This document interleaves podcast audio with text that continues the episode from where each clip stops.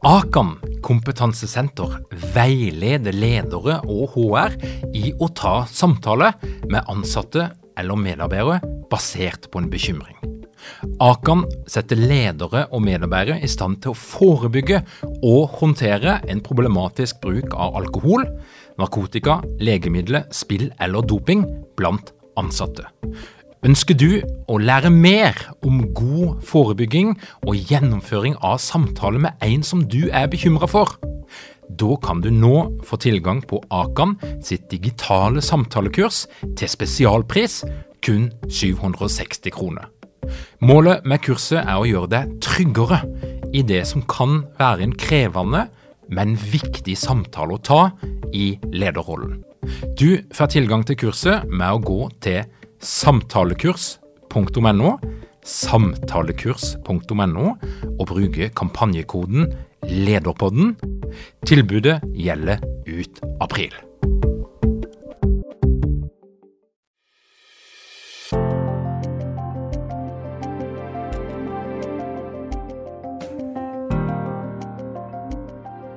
Velkommen til Lederpodden.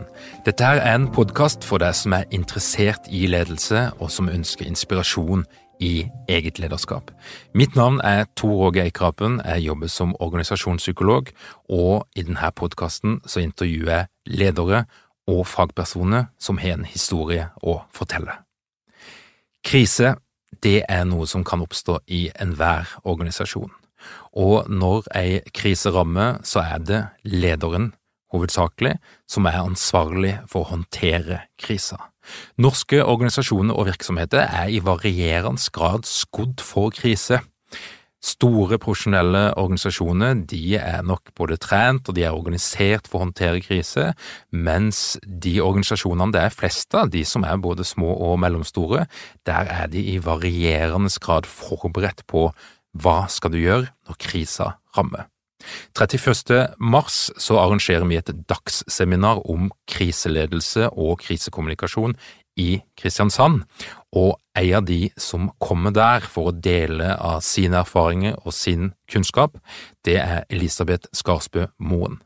Hun har 20 års erfaring fra media, NRK og VG blant andre, og i dag så jobber hun som rådgiver i rådgivningsselskapet Synk. Velkommen til Lederpodden, Elisabeth. Tusen takk. Du jobber med krise. Du jobber med toppledere i store virksomheter, òg noen små. Mm. Og eh, kan ikke du eh, gi en litt sånn oversikt for Krise de kommer i mange formater, de kommer med ulik styrke, og, og, det er nok vanskelig å si noe generelt om det, men, men hvilke kriser er det typisk som rammer norske virksomheter? Mm. Ja, det ligger jo litt, som du er inne på, i sakens natur. Når det er en krise, så er det jo en overraskelse som regel, ikke sant. Det er noe helt uventa som skjer. Og derfor så er det også veldig vanskelig å si noe generelt om det, uh, av den grunn. For det er helt unike situasjoner hver gang. Men hvis vi skal si at det er noen tema som går igjen, så er det jo klart at uh, i dag så er det jo slik at det er ikke lenger et spørsmål Altså når alt er digitalisert, så er det jo slik at det er ikke lenger et spørsmål om, en, om du blir det, opplever et datainnbrudd, men når. Det tror jeg er realiteten for de aller fleste selskap i dag. Det er ikke nødvendigvis for eksempel at de som bryter seg inn hos deg, heller er interessert i hva du driver med, men hva kundene dine driver med, for eksempel. Sånn at eh, det er jo klart en økende problematikk. Så er det jo eh, også en god del kriser av mer sånn eh, kompleks art, da. Eh, det som ofte vi ser at eh, en del selskap er forberedt på, det er jo rene operasjonelle kriser. Altså at noe fysisk skjer, da. Typisk at at toget sporer av, eller at en buss med kollegaer på reise kjører bort, kjører utfor veien, eller den type ting er det lettere å øve på, ser vi, for mange, enn det er krisen som har større kompleksitet i seg, og som gjerne eh, involverer eh, den balansegangen du må ha mellom det å, å ta beslutninger i skjæringsfeltet mellom juss, altså hva er rett og galt, vi kan tenke oss Eh, innenfor uh, utro tjenere i bedriften, eller vi kan tenke oss korrupsjon, eller vi kan snakke om seksuell trakassering. Også, og, det å avveide hensynene som er knytta til juss, opp mot organisasjonens behov og omverdens behov for informasjon. De komplekse krisene der er jo de som er eh, vanskeligst å håndtere og stå i, og som vi ofte ser eh, dukker opp nå, fordi at det er mer eh, sammensatt å lede enn det har vært før. Og et selskap eh, driver ikke bare med ei oppgave, men har veldig mange hensyn å ta. Og dermed så er det den type kriser der, som er mer sammensatt, er jo det vi stort sett håndterer i, i Synk, da. Og når en toppleder ringer til, til Synk, mm. eh, og i hvilket stadie er det? Er det før krisa? Er det under krisa? Da er når det virkelig brenner? For mange ringer for seint. Eh, det er det ikke tvil om. Altså, det ringer idet det brenner, eller idet de har fått beskjed om at en eller annen avis gjerne skal, eller et nyhetsmedium skal publisere en sak i løpet av få timer. Eh, det som er utfordrende med det, er jo ofte at jeg ikke har bygd et godt eh, og robust omdømme i forkant, sånn at jeg har ikke jobba godt nok med interessentene sine, og heller kanskje ikke tenkt på hvordan jeg skriver om seg sjøl på nettsida eller opptrer i sosiale medier. Og da har vi ofte et uh, vanskelig case. Jeg har sjøl vært med på i en sånn situasjon å be administrerende direktør kalle inn til et styremøte der og da, uh, sånn for å skille ut en virksomhet i et nytt selskap for å sikre at man ivaretar verdier, da. For når det først brenner, og man har først har liksom stå, har laga seg Har redd opp senga så dårlig at du ser at angrepene kan komme overalt, da er det viktig å tenke på hvordan skal vi nå beskytte verdien som ligger i selskapet, arbeidsplasser og penger, sånn at ikke alt ryker med en gang. Så det er eh, Det kan være dramatiske ting når, det, når det skjer. Eh, og du vet at jeg har jo da vært eh, journalist i VG i 16 år, så det betyr jo også at jeg har vært på andre sida av det mediedrevet, og veit veldig godt logikken i redaksjonen, hvor, hva kommer neste angrep, hva er det vi leter etter, og, og hvordan driver journalistikken fremover. Så det er jo en fordel at du kan ligge litt i forkant av det, men samtidig så er jo tempoet i en redaksjon og deres evne til å kunne sette krav om når du skal svare ut en sak, eh, det er mye høyere enn det en organisasjon i en krisesituasjon rekker å rigge seg og, og, og, og eh, håndtere kriser. Sånn at det, det, er ofte den første Det er ofte mange av den typen eh, utfordringer, da. Men så har du jo en rekke andre kriser som vi jobber med i Synk, fordi vi har jo veldig mange av de største selskapene i Norge som kunder generelt, som vi jobber med på andre tema, f.eks. for eksempel innenfor å posisjonere deg, eller jobbe med bistå deg i samfunns- og myndighetskontakt, eller ja. Eller det kan være leder- og endringsprosjekt som vi kjører der. Det er de tingene vi stort sett jobber med i norske selskap. Og når det da også dukker opp en krise i samme selskap, så kjenner vi jo ofte selskapet godt. Og det er en veldig fordel. Eh, og vi har trent med deg på krisa, for eksempel. Eh, så det er jo Eh, en kjempefordel. De som er forberedt og har øvd, da har vi eh, mye bedre tid, en helt annen ro eh, rundt oss til å håndtere en krise. Og når du kan trene på mm. krise, mm. og da snakker vi om komplekse kriser, mm. der kommunikasjon er en ganske stor del av håndteringa, mm. mm. hva er det du kan trene på? Og gjør du ikke helt konkret? Nei, vi er veldig fokusert på å løse krisa. Altså først må du løse problemet, og så må du kommunisere hva du har gjort. Altså du jo, det er liksom hodet, hender og hjerte, som vi bruker å si. Eh, og det er liksom at du må vise at du har kompetansen, eller sikre at du har kompetansen til å, å, å ta deg av en krise. At du har varme og forståelse og empati for det som både er ramma, eller for det som er i ditt eget selskap, og at du faktisk gjør noe. Um, og det å først gjøre noe, og så kommunisere det du har gjort, er ganske viktig i en del kriser. Men det aller første vi gjør, er jo å sikre at vi får oversikt over fakta. Eh, sånn at, eh, at det er klarlagt i størst mulig grad. Men så vet vi også at i krisa så er det jo sånn at eh, vi må ofte ta beslutninger, eller altså ledere må ta beslutninger, vi må da bistå råd knytta til avveiningene som gjøres der, på et mye tynnere grunnlag og i et høyere tempo enn du ellers gjør i hverdagen. Det er jo en kjempeutfordring. Og der er jo vår rolle da å være en sparringpartner og forsøke å holde hodet klart, og ikke minst få opp worst case scenario. Hvis vi sier dette nå, ehm, eller hva er det verste vi kan se for oss at denne krisa ender med? Og hva, ok, hvis vi sier at vi kommer dit en gang, da, hva må vi si nå, så vi ikke på en måte eh, kan bli tatt for det på et senere tidspunkt? For at vi ofte har vi ikke oversikt, så vi må kunne se for oss hva er worst case scenario, og da må vi legge kommunikasjonen slik at ikke den ytterligere bidrar til å svekke tilliten til selskapet. Et typisk eksempel på det er jo i cyberkrisa, fordi at der viser det seg alltid at eh, man ikke har oversikt over omfanget. Det er, hører til unntakene at man i første fase får noe god oversikt over hvor stort omfang angrepet har. Og det å da for eksempel begynne å kommunisere antallet kunder som har fått dataene sine, for eksempel eh stjålet, det øh, Hvis du kommuniserer det, og det tallet er feil, og det er tidobbelte neste gang du er ute og snakker med media, så har du ei tilleggskrise, ikke sant, for da har du også en tillitskrise på toppen av cyberkrisa. Fordi du ikke har oversikt og ikke klarer å eh, kommunisere det som er presist og fakta. Og derfor så er det veldig viktig å skaffe oversikt over fakta i en tidlig fase, og liksom kommunisere da på en måte som gjør at du ikke, eh, ikke hindrer å håndtere kriser underveis på vei mot et eh, worst case scenario. Mm. mm. Og, og, lydhøre er ledere. altså på et, ja. I store organisasjoner så vil jeg jo tenke ok, der er lederne så profesjonelle, de har vært igjennom en trening og utdannelse og en vei. Men jeg vil jo kunne tenke at i en del organisasjoner så er det ledere som helst ikke vil se det som skjer. Altså Det er jo noen psykologiske mekanismer her. At vi, vi ønsker kanskje å undertrykke eller ikke mm. se realiteten inni øynene, eller ikke skjønner, rett og slett, krafta og de mulige konsekvensene av det som skjer. Ja, vi jeg prøver å gjøre en, jeg pleier å gjøre en topplederundersøkelse hvert år, fordi at vi jobber stort sett på det nivået, da. Og da er vi interessert i hva er det som er på toppleders agenda, og hva er det som opptar toppledere i Norge. Og den ene vi gjorde for noen år tilbake, handler om toppledere som hadde stått i krise. 20 toppledere kjente kriser for offentligheten, som alle kjente kjent hvilke ledere vi hadde intervjua, men svarene deres var anonymisert. Og en av deg sier jo det at hvilken person du er, betyr veldig mye mer i en krise enn hva som står i den beredskapsplanen du har bak deg i hylla. Og det tror jeg er veldig riktig. Vi som rådgivere kommer jo inn og må ha en følsomhet overfor de menneskene vi møter, eh, hvis vi ikke da kjenner dem fra før.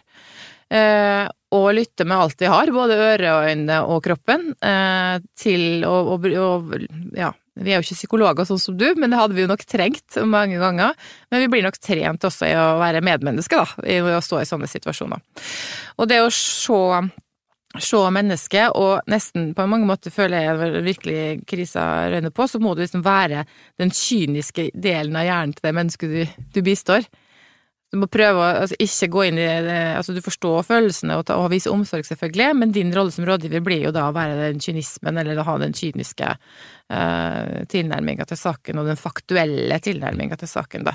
Sånn at du ikke blander emosjoner i det når du skal gi råd. Det er ganske viktig.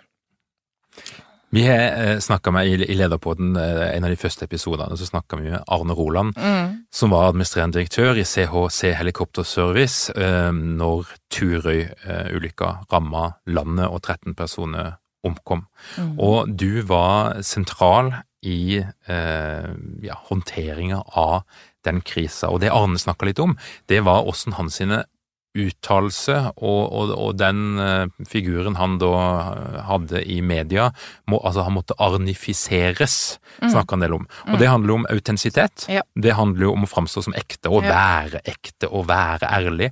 Kan du si noe om den der balansegangen mellom å, å, ha en strategi og en plan, og, og til viss, en viss grad en regi, og det å, å faktisk framstå og genuint være deg sjøl, være ærlig og ikke framtre som en sånn typisk medietrent leder, for det lukter du jo av og til på noen TV-sendinger og, og, i andre kanaler at det her er det noen som virkelig har gått på kurs, og der det er vanskelig å få tak på hvem er egentlig denne personen. Ja, det jeg var sikker på, som jeg sa til Arne da vi, han skulle uttale seg første gang på Dagsrevyen og TV 2, det var at vi må prøve å unngå denne setninga om eh, mine tanker går først og fremst til. Det er ei frase som ingen som, er, som har ingen betydning lenger, har ikke noe verdi lenger. Når noen er død, så sier vi det at eh, ja, våre franker går først og fremst til de pårørende, ikke sant, og til døtre og sønner og alt det der. Og det er jo velment, selvfølgelig, det er jo helt umulig å finne ord òg i så dramatiske situasjoner, altså det at 13 personer eh, dør, og du er eh, ansvarlig led, toppleder i det selskapet som, det, som eier helikopteret og som flyr helikopteret de satt inn i, det verre enn det går det ikke an å oppleve en dag på jobben, eller noe større krise går det ikke an å oppleve som leder. Og det Altså, det at folk dør. Og så um, Sånn at eh, da var, var egentlig men, men der er jo Arne den egenskapen at han klarte å komme opp med de orda sjøl. Det var kanskje ikke så vanskelig, for i, i lokalene så hang det en plakat som for så vidt de fikk rydda vekk, da, så ikke de skulle uh, havne på TV, men der husker jeg at det sto at uh, uh, vi flyr folk til jobb og trygt hjem igjen. Og det er klart at Den plakaten måtte ut av lokalet når TV-ene kom inn, men det er likevel den plakaten Arne hadde gått og sett på hver dag, så han visste hva oppgaven hans på jobben var. Og han visste at den dagen så hadde han ikke klart den oppgaven, og begynner nesten å gråte. men, og det er vel det som det som det, det, handler om, da, å være så ærlig at i dag klarte vi ikke den oppgaven. Mm. Så det var det han sa. Og det syns jeg var veldig, var veldig eh, godt sagt. Det var veldig konkret, og samtidig sa det veldig mye. Og selvfølgelig så viste han jo også empati med, med de eh, som hadde mista sine, men det at han så tydelig synliggjorde eh, at eh, at han hadde et eh, At han ikke opplevde at selskapet hadde gjort jobben sin den dagen, selv om selvfølgelig det i ettertid viste seg at feilen overhodet ikke lå hos COC. Eh, han sa jo ikke at ikke de hadde gjort jobben sin, men vi klarte det ikke. Mm. Og det er jo mange komponenter som skal til for at de ikke klarer det, ikke sant, og denne gangen var det jo da dette roret på, på helikopteret, rotoren på helikopteret som gjorde det.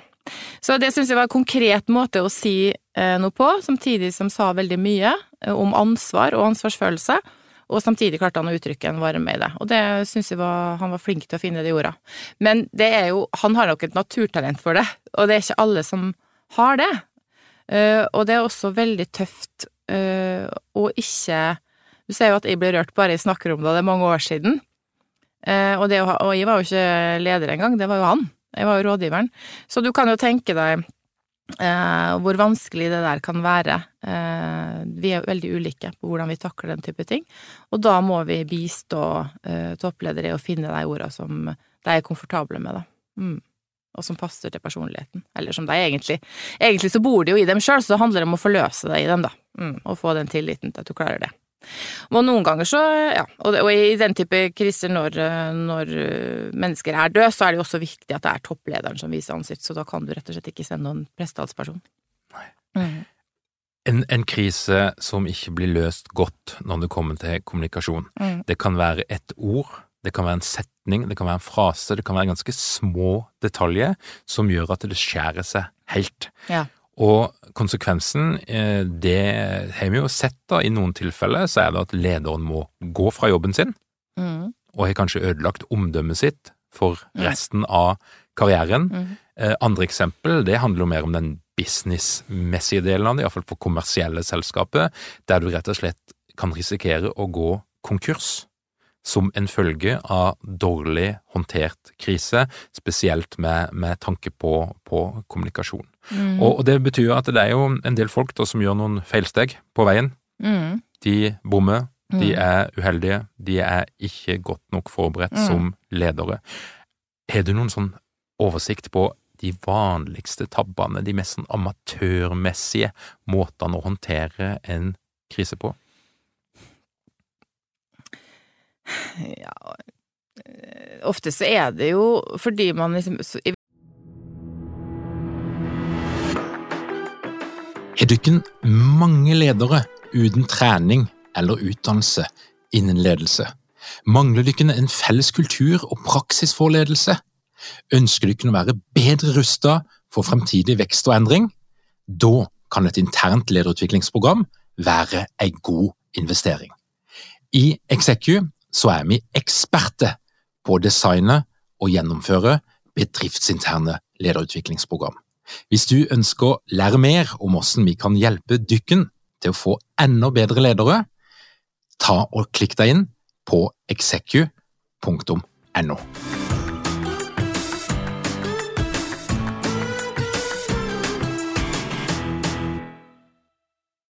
veldig sterk grad ønsker å gi uttrykk for at man har mer kontroll enn man egentlig har, så sier man eh, og lover mer enn man kan. Det er det ene, eller motsatt, at du går i den fella at du ikke har noen kommentar, at du gjemmer deg. Og det er nok eh, det som er et naturlig instinkt for veldig mange, det er å gå og gjemme seg. Eh, og det er en kjempetabbe, selvfølgelig. Eh, det er veldig viktig å, å vise ansikt som leder når du står i en krise. Samtidig så er det jo sånn at eh, man må jo være bevisst hva er det Altså, man må jo være bevisst hva er det man ønsker å, å, å få ut, og klare å se det i eh, forretningens eh, eller businessens eh, strategi, da. Men det som er et faktum, er at at i dag så ser vi jo at det er like ofte det at toppledere går av, ikke på grunn av krisa i seg sjøl, men måten de har håndtert den på.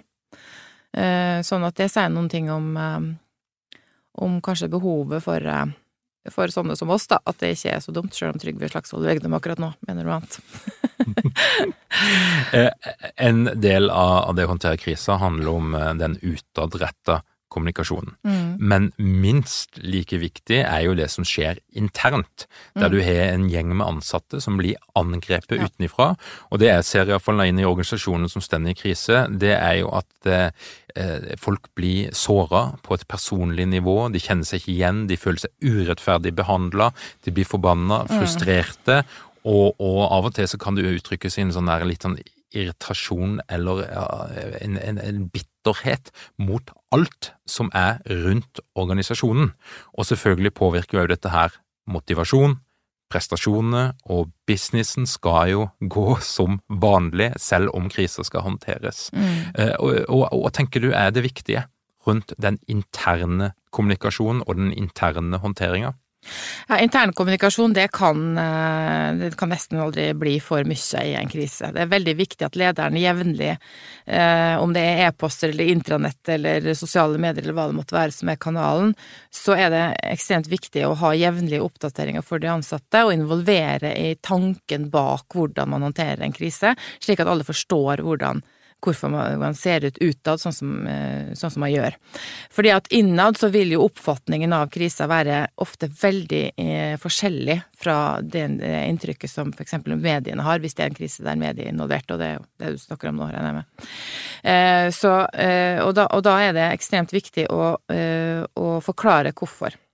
Og så er det jo det som er ofte utfordringen nå, og det er ikke bare altså det, Og det er jo utfordring som mange toppledere har òg, at de glemmer litt hvor glad de er i den frie pressen når, du, når de er de sjøl som er objektet for dekninga. Ikke sant? At media gjør en veldig viktig rolle i det norske samfunnet, og det må vi forstå eh, og akseptere at det er deres jobb å grave ofte. Og så og man kan ikke liksom begynne å hisse seg opp over det, eller gjøre det personlig. Altså, en fri presse er kanskje viktigere i vårt samfunn enn noen gang. Så, så, og det tror jeg egentlig innerst inne at alle toppledere mener. Ellers hadde de ikke hatt handlingsrom til å utøve jobben sin. Men eh, Og da må vi akseptere at det noen ganger også kan gå utover oss sjøl, da. Og den sitter jo veldig langt inne for toppledere, men også veldig ofte for ansatte, som føler kanskje at da topplederen ikke slår hardt nok tilbake. Men vår erfaring er at de ansatte er ofte veldig lojale, da. Ikke sant? Og at kunder og andre interessenter er mer eh, svikefulle enn de ansatte. Ofte så slutter jo de ansatte rekkene, men som en av de topplederne sier også i den undersøkelsen vår, er jo at eh, hvis du, har, eh, hvis du taper garderoben, så taper du slaget. Så du må, eller kampen, da. Så du må jo ha du må ha med deg de ansatte hele veien, og de ansatte må forstå hvorfor det blir kommunisert utad som det blir. Og der er vi igjen tilbake til de avveiningene som en toppleder og en beredskapsorganisasjon må gjøre, da, nemlig avveiningen mellom det interne hensynet til organisasjonen, jussen og omverdens behov for informasjon. Da. Ledere de kommer i ulike utgaver, de er i ulik grad trent, de har ulik personlighet, de har ulike eh, personlige forutsetninger for å, for å være leder. Og er det som kjennetegner de gode lederne når dere kommer ei krise? De som har trent. Det er det mest generelle jeg kan si om det. Det tror jeg har uh, Vi pleier å bruke sånt uh, Navy Seals-sitat i synk når vi holder uh, treninger, og det er at når krise er der, så er det altså, nobody rises to the occasion. Vi liker liksom å tro oss sjøl om at vi er, vi er, best når det er, best i krigen, liksom. Jeg er best når det stormer. Da skal du virkelig se meg på mitt beste. Det er bare tull. Det er ingen av oss som er det. Vi er så gode som, som, eh, som, som vi har trent, rett og slett, da. Så eh, det er ingen som rise to the occasion, but you sink to the level of your training, sier de i Navy Seals, så det tror jeg er helt riktig. Eller det ser vi jo helt riktig. Så de som har trent og tar trening og, får på alvor, det er de som er best, rett og slett. Det har veldig lite med personlighet og egnethet å gjøre. Så, så og, og, da er det jo Vi kjører jo veldig mange øvelser i synk av ulike typer selskap. Flere i måneden, og noen og flere fullskalaøvelser i måneden også. Men det vi ser er jo at det viktige er jo å begynne med disse her skrivebordsøvelsene, og rett og slett bli bevisst, sitte og snakke seg gjennom dilemmaer, som gjerne da utvikler seg over tid. Og så eh, gjøre noen sånne i året, og så komme opp på en kanskje fullskala øvelse der du øver med interessenter og omverden, beredskapsorganisasjoner i samfunnet for øvrig. Eh, det er jo kjempenyttig, fordi at det vil jo aldri være helt eh, forberedt på det drevet der. Mm. En, en, ser eh, av og til eh, altså, så, så, så, kan det bli eh, en sånn overload i grad av offensivitet. Mm. For en kan jo tenke seg at en kan forholde seg til en krise passivt og mer aktivt, og av og til så ser en jo et overslag på at en blir for aktiv, og mm. gjennom mm. det så blir du litt gjennomskua, du blir utroverdig, og du virker for strategisk. Mm. Et eksempel er jo Nortura sin annonsekampanje som kom dagen etter at det ble vist en dokumentar på TV som eksponerte et eh, særdeles eh, dårlig eh, dyrehold eh, rundt forbi.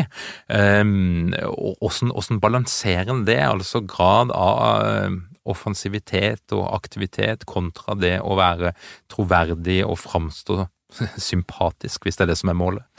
Det er å forstå hva er det etterlatte inntrykket av deg i omgivelsene dine nå. Uh, hvor er det hen? Uh, og, og, det er ofte da definert av andre enn deg sjøl. Og så er det det som, ikke sant eh, det, når du først har Det å havne i en krise med et mediefokus, da, det handler ofte om å innta en rolle i en, i en gresk tragedie. Uh, nå er det idéhistorie jeg har studert på universitetet, så greske tragedier har jeg lest mye av. Men du kan tenke deg eller et Ibsen-stykke eller en kriminalroman, de har de samme fortellingene vi leser, ikke sant, eventyr og så videre, de har en visst antall karakterer. Og en av de karakterene er skurk. Og er du blitt skurk, så kan du glemme å komme ut av den posisjonen. Den må du bare akseptere. Så vil ting gå over etter hvert, men da må du jobbe med en recovery-prosess, da. Og apropos eh, Nortura, så har vi vi håndterte jo samarbeid, eh, eller hjalp dem å håndtere E. coli-krisen, der en gutt på to år døde, som dere kanskje husker, og da var det kjøttdeigen som var mistenkt. Da kan du jo si at det Nortura gjorde var overdrevet på mange måter, men eh, det viste seg å være veldig lurt i etterkant, fordi at Eller også der og da, da. For det man gjorde da, var at man gjennomførte hundrevis av prøver av kjøttdeig hver eneste dag. Uh, uten å finne noe uh, E. Til slutt ble den da funnet i en mårpølse, som vi kanskje husker. Men det at alle visste jo egentlig at det at man gjennomførte så mange prøver av kjøttdeig, uh, ikke hadde noe egentlig Altså hadde, det var som å leite etter nåla i høystakken, da, fordi kjøttdeig er oppmalt kjøtt som kommer fra alle deler av dyret, sånn at det kan være hvor som helst, ikke sant. Men, men man gjorde det likevel for å synliggjøre at man faktisk gjorde noe. Og da har det jo en effekt, rett og slett, da. Ikke sant, for å vise at man er aktivt opptatt av å Og man kunne jo finne noe, av det var ikke det, men eh, Så det var jo også selvfølgelig en motivasjon. Men det er viktig å ikke liksom uh, bare si at nei, det kommer ikke til å fungere, så derfor gjør vi det ikke. Det er viktig å vise at man er aktiv og gjør noe. Men, da, men det harmonerer jo mer med det folk forventer òg, da. Folk forventer jo at du skal gjøre noe. De vil jo ikke bli drept på grunn av maten de spiser, ikke sant. Så det er jo eh, så, så, derfor så forventer de jo at matprodusenten også må gjøre noe aktivt for å, for å finne årsaken. Og Der beskriver du jo et dilemma, eh, og, og, noe som kan være litt motstridende. Mm. nettopp altså den rasjonelle sida, ja. altså de som tenker men hvorfor skal vi gjøre det, det har ikke mm. noe effekt, mm. versus den mer å forstå symbolikk tematikken, mm. Eh, det psykologiske, mm. åssen eh, vi perseperer. Mm. og, og, og, som for en rasjonell leder, som har et litt sånn ingeniørinstinkt, der mm. ting skal være konkret, det skal være, ja. det skal være reelt, eh, vil kanskje komme litt til kort. Ja, absolutt. Så du må jo ha en fin balanse i det. Du vet jo at hvis du står i en kø, ikke sant, og, og køen strekker seg rundt et hjørne, og du ikke ser hvor langt fram det er til, til inngangen, så er det mye enklere hvis noen eh, kommer rundt hjørnet og forteller at nå har du bare ti minutter igjen. Da blir du mer tålmodig, da er du mer villig til å stå i den køen enn hvis du står der på ubestemt tid og ikke aner hvor langt det er igjen til døra. Og det er litt eh, det å kommunisere i kriser handler noen ganger om det. Hvis du skal se inn i framtida, Elisabeth. Eh, mm. vi lever i et samfunn der iallfall på den ene sida så er det en ekstrem grad av åpenhet som er kommet de siste årene. Altså du kan søke i all verdens arkiver, du kan gå til en kommune, til en fylkesmann, til en fylkeskommune, du kan søke på vedtak, korrespondanse, dokumenter som før var lite eller ikke tilgjengelig i det hele tatt. Det er en utvikling som vi har sett. Eh, reiseregninger på Stortinget eller hva det måtte være for noe. Mm. Det er en utvikling som har vært eh, ganske ekstrem de siste fem-seks årene, kanskje. Mm. Hvis vi ser inn i framtida, hvilke kriser er det som venter i framtida? Nå har vi jo en epidemi som er under oppseiling, mm. den, eh, den, må vi forholde oss til på en eller annen måte, men, men og ellers er det du ser i krystallkula di? Nei, altså Samme om omverdenen forandrer seg, så er vi mennesker stort sett de samme med de samme behov. Eh, og de vet vi jo stort sett hva handler seg om. Eh, det er eh, ofte makt, sex og penger som driver oss, som, som, som, så mange TV-serier på Netflix handler om. Og eh, våre svakheter som mennesker vil ofte ligge der, og det er ofte der feil skjer. Og det er ofte den type ting som eh, at folk tiltar seg for, for mye makt, eh, at de bruker eh, seksualitet for å oppnå ting, eller at de misbruker seksualitet, eh, eller makt til å få seksualitet. Og så er det og, og, penger og grådighet, selvfølgelig. Og i, og i, arbeidet for alt det her, så er det jo ofte at vi, vi begår feil. Så sånn tror jeg alltid det kommer til å være. Men så er det klart at eh, det er, det er ingen steder å gjemme seg for en toppleder lenger. Sånn at uh, du må uh, Du uh, Og det gjør nok også at At flere eh, har eh, tenker nok mer over hva de gjør. I hvert fall må vi håpe på det. da. Og transparens er, i samfunnet er jo til gode fordi vi også kan måle ledere, eh, og gode og dårlige ledere, bedre enn før. Og så handler det jo om da hvorvidt vi er et såpass tilgivende samfunn, da, at noen også kan få en ny sjanse. Det er jo en annen, eh, annen skål, for å si det sånn. Så transparens er bra, eh, eller er liksom Det er noe en gang her, og det er, både, det er, både, bra og kan være dårlig hvis det fungerer på en måte som at, at det tar fra folk en mulighet til å, å gjenopprette eh, seg sjøl, da. Så, så er det jo ikke bra. Men jeg tenker at eh, det viktigste, altså det, det største tematikken framover uansett, det er Eh, det er eh, at verden blir såpass digitalisert som den er, og at vi legger igjen spor overalt, og at det finnes informasjon over, eh, overalt om oss. Og det blir stadig viktigere, tenker jeg, å hegne om personvern i en sånn verden. Og det er det jo også i Europa, med lovgivning og GDPR. Og brudd på de lovene er nå én ting, at folk ikke følger dem opp på kanten godt nok, men også det at det er datainnbrudd, at folk har interesse av å ha tak i disse opplysningene det mm, er fortsatt Og at det er mye verdi i den typen informasjon, det kommer bare til å vokse fremover. Så det er nok eh, det store området i framtida. Og så er det rimelig å anta at eh, miljø og, og fokus på miljø òg kan, kan, eh, bety noe. Altså at terskelen for hva du kan foreta deg og ikke foreta deg, er knyttet til, til ting som påvirker miljøet. Mm. Kan det stemme at det grønne skiftet at det er noe der òg? Ja, eh, ja det er absolutt. Eh, jeg tror at eh, Eller det vi ser nå, er jo at det er jo ikke akseptabelt eh, Altså, det, hvor, måten du investerer og bruker pengene dine på, er jo viktig for samfunnet. Altså, det er en større bevissthet i verden om at det å tjene penger ikke bare skal gagne aksjonærene, men også det samfunnet som selskapet opererer i. Mm. Og det er en framtid som ledere må, må forberede seg på, helt klart, at det blir stilt krav om. Uh, og det er klart, men miljøkriser har nå for så vidt en gang alltid vært der, så det er jo ikke noe nytt i den sammenheng. Det nye i verden er vel heller at uh, pengene er uh, Ikke sant, for første gang i verdenshistorien så er jo nå disse eierne på, av børsens verdier statlige fond eller pensjonsfond, altså oss alle, på mange måter, da. Og ikke private investorer, og det er jo interessant. og det får nok en føring på hva, at folk har sterkere meninger om hvordan penger blir disponert i verden. Og så tror jeg også dette med um, Altså, det er klart eh, men det er litt mer i det politiske perspektivet. Men hvis du ser på Facebook, Google og hvordan de opererer og bygger eh, og, og tjener penger og blir rike på egentlig informasjon om hver og en av oss, jeg er usikker på om det kommer til å være akseptabelt i det lange løp, og jeg er usikker på også om de klarer å håndtere den makten godt nok i det lange løp. Elisabeth, eh, det sitter jo ledere og HR-folk og hører på denne podkasten. Kan du komme med noen enkle råd? Og Da tenker jeg faktisk spesielt på en målgruppe. Det er virksomheter som er på vei opp, som mm. vokser, og som er i ferd med å ta skrittet kanskje for å være en gründerbedrift til å bli profesjonalisert. Uh, og det er en kritisk fase mm. der uh, du blir enda mer eksponert for krise. Mm. Har du noen sånn enkle råd, noe de bør tenke på, refleksjoner, eventuelt tiltak? Det første er selvfølgelig, som jeg har sagt, trene. Trene, trene, trene. Det er de tre første rådene. Og hvis vi skal gi et fjerde, så er det å eh, sørge for å bygge et robust omdømme, ha god interessenthåndtering. Uavhengig av om du har kunder å håndtere eller eh, ikke, så er det eh, viktig eh, at interessentene dine, eh, at omgivelsene dine, har et såpass har et sånt etterlatt inntrykk av deg som så positivt at handlingsrommet ditt er stort nok til at du kan få til den veksten du ønsker deg.